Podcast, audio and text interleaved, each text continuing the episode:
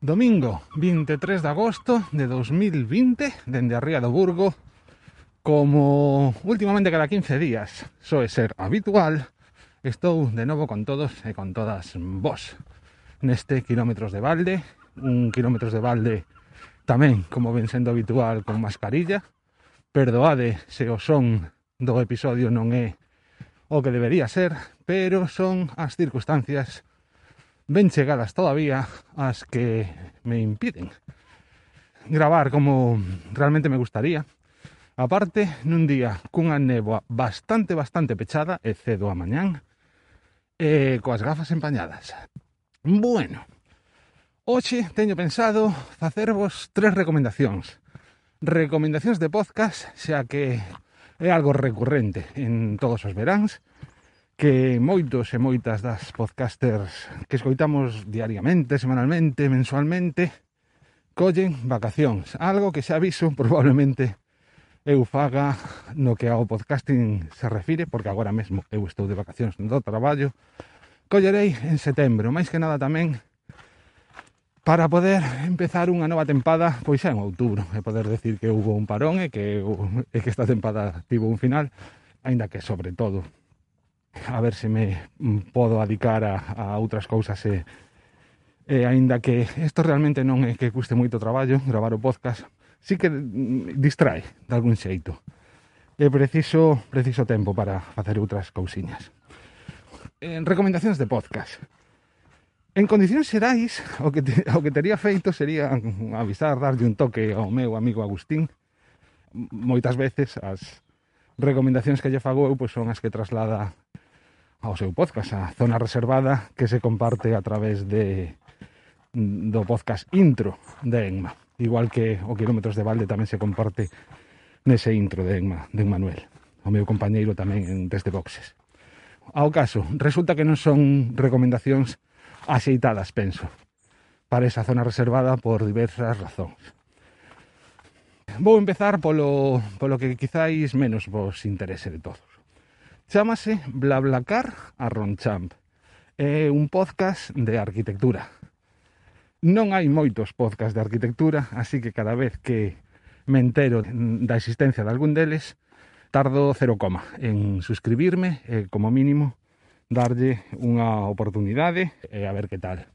Neste caso, ademais, resulta que coñecino directamente porque unha das persoas que grava este podcast Manu Barba, é coñecido meu, coñecino pois aí xa, mm, non sei, no 2014 pode ser ou por aí, cando se achegou, el era daquela estudante de arquitectura, e achegouse por aquí, pola Escola da Coruña, co galo da FETSA, ese Festival de Arquitectura que organiza o alumnado da Escola de Coruña, foi unha edición eh, na que eu estiven a entrevistar a moita xente que participou nela para la Morsa era arquitectura e ten unha pequeniña intervención.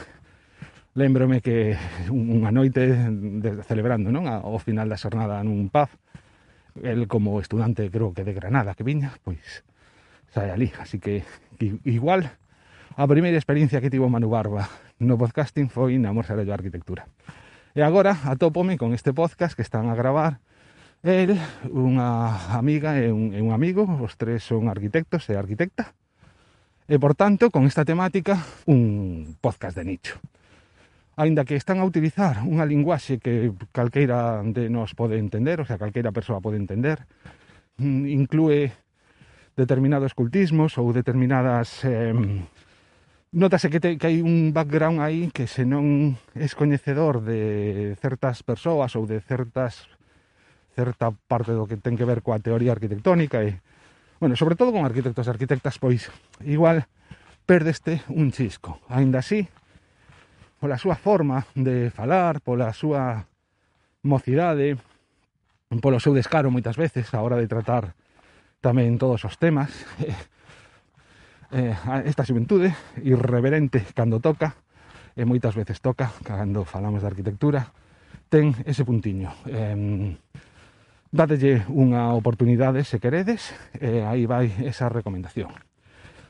E se este BlaBlaCar arronchan por culpa de ser tan de nicho non yo recomendei a Agustín, o seguinte do que vos vou falar tampouco yo vou recomendar porque é un podcast en galego. Para vos, ningún problema, porque se me estades a escoitar a min, sodes per, estades perfectamente capacitados e capacitadas para escoitar castañas no verán un podcast con ese nome tan extraño, Castañas no verán.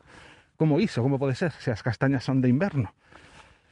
Pois a súa temática, como digno primeiro episodio, é un pouco buscan a utopía, buscan a solidaridade entre todas as persoas, porque este podcast está feito por Agareso, a Asociación Galega de Reporteiros Solidarios, unha ONGD como vendi o seu nome de reporteiros, de xornalistas, que coñecín hai moi pouco e que se non levo malas contas é o terceiro podcast dunha ONG que se grava aquí en Galicia. O primeiro foi o Habitando, o que gravo eu cos meus compañeros e compañeiras de Arquitecturas en Fronteiras. Despois, o podcast de Enseñarías en Fronteiras e agora este de Agareso. Claro, como podedes imaginar, tratándose de reporteiros, algúns deles estudantes de, de periodismo, pero moitos deles xa profesionais, a calidade deste podcast non ten nada que ver coa que podemos ter a maioría de nós. En todo, de feito, eles mesmos, máis que falar de podcast, falan de radio. Para eles, polo que sobre todo escoitas no primeiro episodio, pensan que é un programa de radio e o están a gravar como se fose radio. Se para min sigue sendo podcast e non radio por unha banda e porque realmente non se está a emitir nunha radio comercial, nen sequera nunha radio libre, polo que, que eu saiba. E por outro lado, porque a temática tamén é moi, entre comillas, de nicho, ou non tanto de nicho, realmente non é unha temática de nicho, penso que é unha temática que nos interesa a todos e a todas, pero sí que non ten cabida nas radios comerciais. Por que? Pois porque fala de solidaridade, fala de cooperación, fala do social, eh, dende o punto de vista dunha ONGD para o desenvolvemento. Así que, xa sabedes, son temas que teñen que ver coa vida das persoas, fundamentalmente. Cunha ollada de preto, cunha ollada tamén no que pasa noutros países nos que traballan eles e elas e, e outras ONGs, e así, con moitas miradas, con moitas voces, por parte de persoas invitadas e tamén por parte de, da propia Xunta de Agarés, son unha chea de persoas as que participan no podcast. O produto é eh, un produto redondo, xa digo, super profesional, super editado, con efectos, con músicas, con guións, é dicir, nada que empezar a, a calqueira outro produto total e absolutamente profesional. O único, por poñerlle unha pega, utilizan tamén moito o que son as entrevistas, e conservan esa mala costumbre que ten a radio de facer as entrevistas moitas veces. En plan aquí te pillo, aquí te mato. Por teléfono cunha calidade de son que ás veces eh, fai, vamos, eu hubo para vou non decir así, había houbo un episodio que deixei de escoitar pois porque o son que era inaudible. Mm, cousas as que nos ten acostumados a radio comercial precisamente a radio comercial que tanto fala do podcasting como amateur e que non temos calidade, patatín e patatán, e como se demostrou nesta, neste confinamento, os que non teñen medios son eles. Seguindo, super, super recomendable este Castañas no verán. Tanto o primeiro como o segundo, máis ou menos, teñen unha duración de unha hora, unha hora e pico. E vou polo terceiro. O terceiro, se non yo recomendei a Agustín é porque é un podcast que xa non se grava. É un deses podcast dos que un se resiste a borrar o feed e o outro día, bueno, outro día aí xa unhas cantas semanas, mirando os podcasts aos que estaba suscrito, aí estaba este Notas Históricas, e dixen, coño, este hai no que volver a, a escoitar. Notas Históricas é un podcast de historia, obviamente, grabado por Roy, un compañeiro tan, un compañeiro tamén de Ourense, que ten unha característica moi curiosa, e é que trátase das intervencións que, que facía Roy noutro podcast que se chama O Tablero, un podcast sobre xogos de mesa, nas que facía unha introducción histórica ou falaba do tema do que, digamos, do lore no que se baseaba o xogo do que estivesen a falar no programa. Entón, todos os temas, xa digo, sempre están vencellados a un xogo de taboleiro, a un xogo de mesa. Co tempo, as intervencións foron collendo maior entidade, e de feito, por exemplo, onte a noite estiven a escoitar un sobre sobre Xesús de Nazaret que eh, creo que eran dúas horas por aí o que duraba normalmente empezaron sendo pois de menos de media hora e pouco a pouco foron facéndose máis e máis longos. Mm. É un podcast, bueno, a forma que ten Roy de, de contar as cousas, de, mm, do tratamento que lle dá, a min préstame moitísimo. Pareceme moi cercano eh, cunha linguaxe que, que me entra perfectamente. Probablemente xa o coñecedes moitos e moitas de vos.